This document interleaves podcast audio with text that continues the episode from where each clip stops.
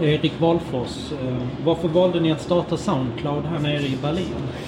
Um, flera olika faktorer. Det är svårt att peka på en specifik grej. Vi var faktiskt runt i Europa lite grann sådär. Vi hade en bestämd idé var att inte starta i Stockholm för att vi kände att vi ville göra någonting mer internationellt från början.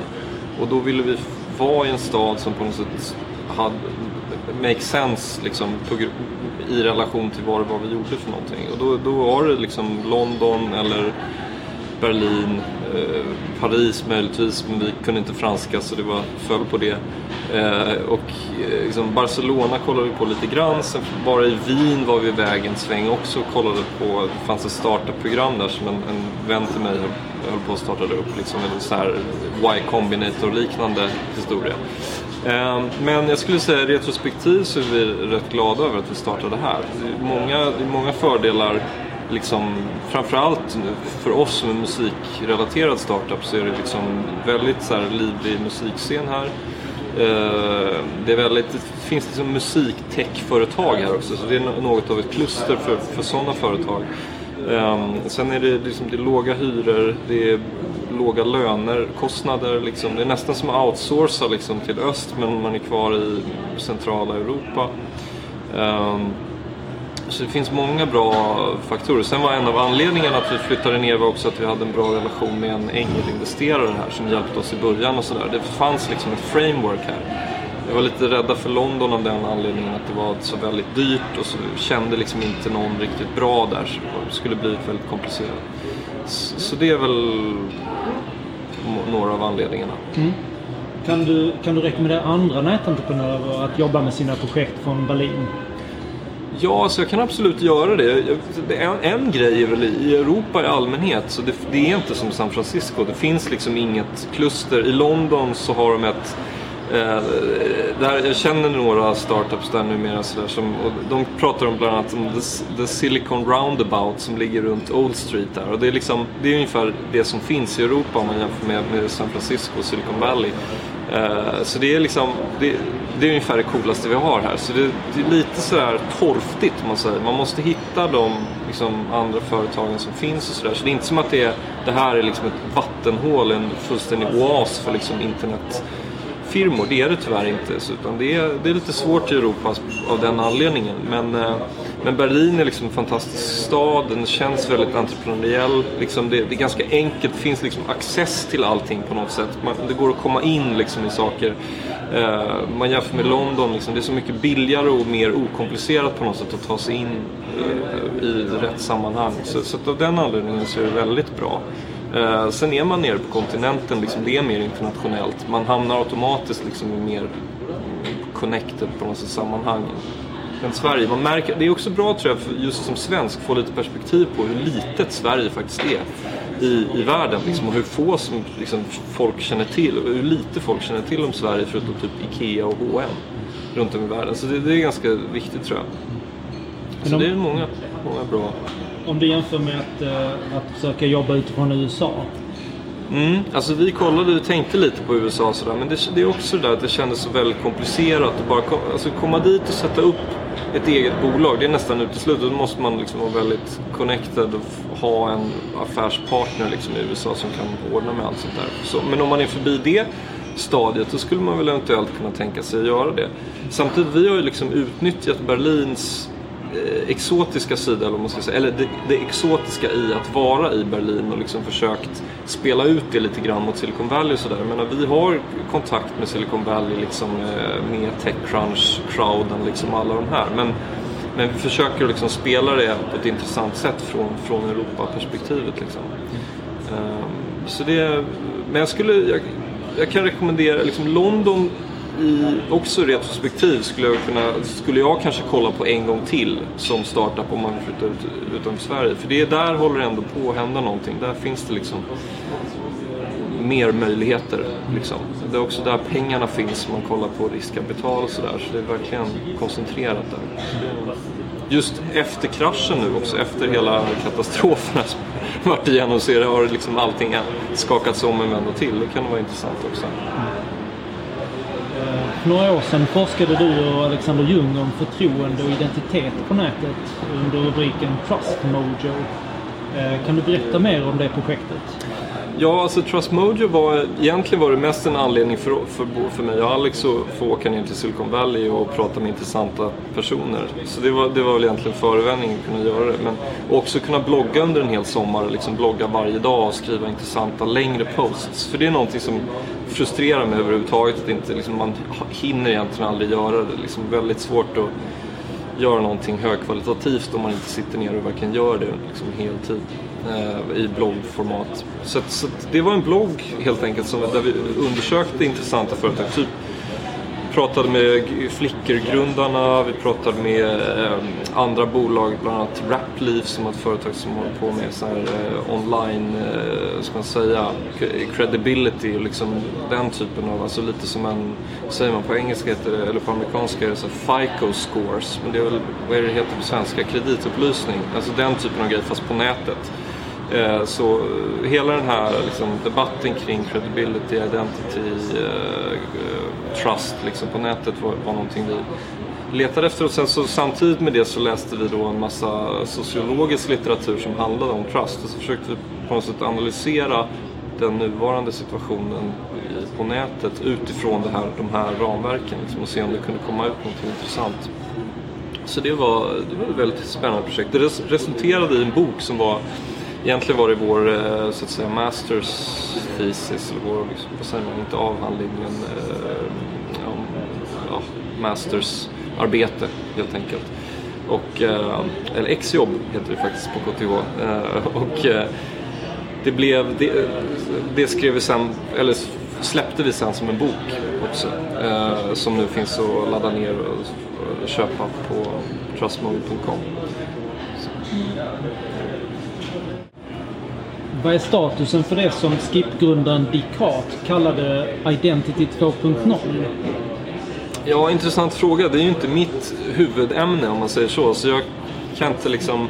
Jag, jag kan se det som från perspektivet av att vara entreprenör. Jag skulle kunna se det från liksom det här trust, mer akademiska perspektivet som, som vi, vi har. Liksom, från entreprenörsperspektivet så är det väl så är det väldigt intressant att liksom till exempel Facebook Connect, eh, liksom liknande initiativ eh, håller på att faktiskt vinna lite mark. Och liksom man, man, märker att det finns faktiskt reella fördelar i att ha en, liksom en, en delad identitet på nätet. Alltså, utifrån jag startar en, en, startup, jag behöver flytta över den sociala grafen liksom från ett plattform till en annan. Jag tror att det är därifrån som det, som det kommer att drivas ultimat sett.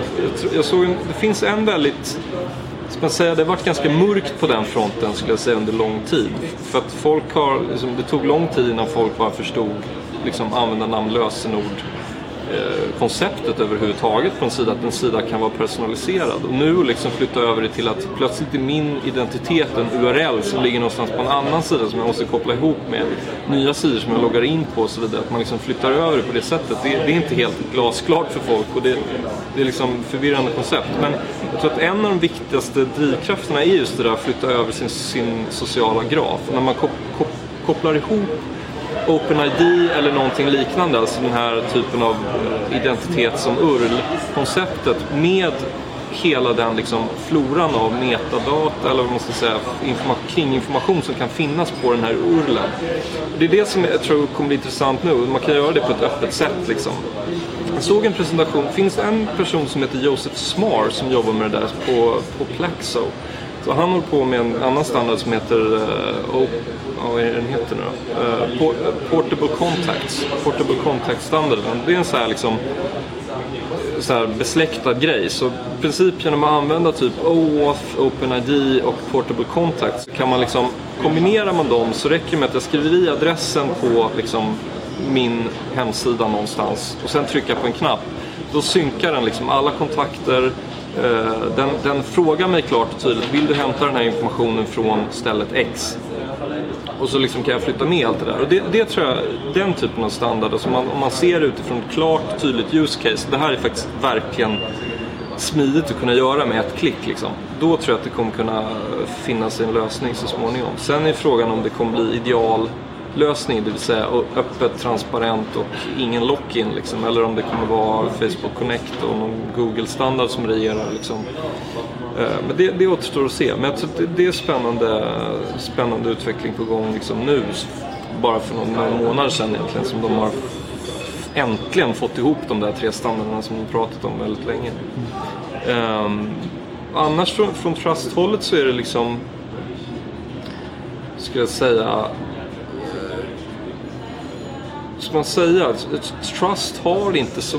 Jag, jag kollade en del på identitet från det perspektivet, från så att säga, akademiskt håll. Men jag, jag kände att på något sätt så, förtroende i sig hade inte så himla mycket med det att göra på något sätt. Det, är liksom, det har ju väldigt mycket med identitet att göra men det har inte så himla mycket med identitet 2.0 per se att göra. Utan liksom det, möjligtvis om man kan flytta över kredibilitet från en webbsajt till en annan och så vidare. Men det kändes också som en sån där typisk väldigt teknokratisk grej att börja liksom kolla på och försöka lösa det problemet. Det var väldigt... Eh, så att jag eh, kollade inte på det väldigt mycket heller från akademiskt håll. Liksom. Så därför har jag inte så himla mycket att säga om det heller.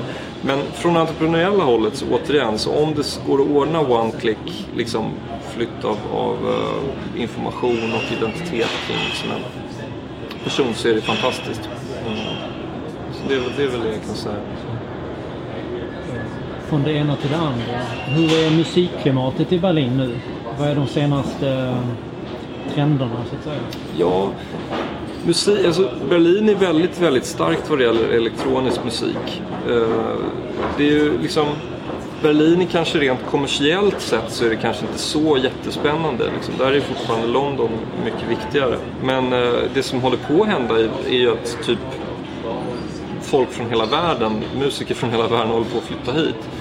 Eh, jag skulle säga, jag vet inte, nu, att vara här just nu och sådär. Jag, visst, jag är mitt i det men jag är samtidigt otroligt fokuserad på att bygga den här startupen. Så jag har liksom svårt att hinna med musikinspirationen också. Men, men eh, man kan väl säga att Berlin har varit väldigt intressant. Nu, nu, just precis i nuet, men så är det väl nästan alltid den här känslan av att just nu, liksom, det, det kokar fortfarande. Det är fortfarande spännande. Liksom. Men, men eh, eh, det är mer att det håller på att verkligen etableras nu som den här liksom, musikmeckat på något sätt. Sådär.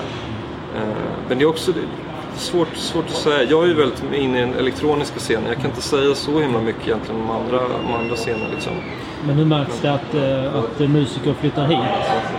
Jo, det märks bland annat vi märker det på Soundcloud för att vi vi liksom får mycket e-mails från musiker bland annat som bara säger liksom att ja, jag flyttade hit just. Och liksom, det bara känns som en allmän, eh, alltså det, det, är något man märker också, det är väldigt många prominenta namn liksom, som, från alla möjliga håll liksom, som har flyttat, flyttat hit. Liksom mycket amerikaner, eh, liksom, vi har varit i kontakt med Richie Hawtin, Kid 606, eh, Ricardo Villalobos, liksom, den typen av folk. Alla bor liksom i Berlin. Eh, vilket inte var fallet förut. Många sådana här folk som man inte trodde var här baserade här. Typ Guy called Gerald. Liksom, mycket sådana här kända gamla namn. De har liksom inkognito flyttat hit. Så det är väldigt märkligt. Men flyttar de också hit av samma anledning? Att det är billig hyra och att det liksom är enkelt? Folk tror... förstår engelska? Jag tror, inte, jag, tror att det är, jag tror att det är den här snarare att de flyttar hit för att, de, för att andra likasinnade människor är här. Jag tror att man liksom flyttar dit, hit för att ta del av den viben liksom, som, som råder här. Ungefär som att internetentreprenörer flyttar till San Francisco. Liksom.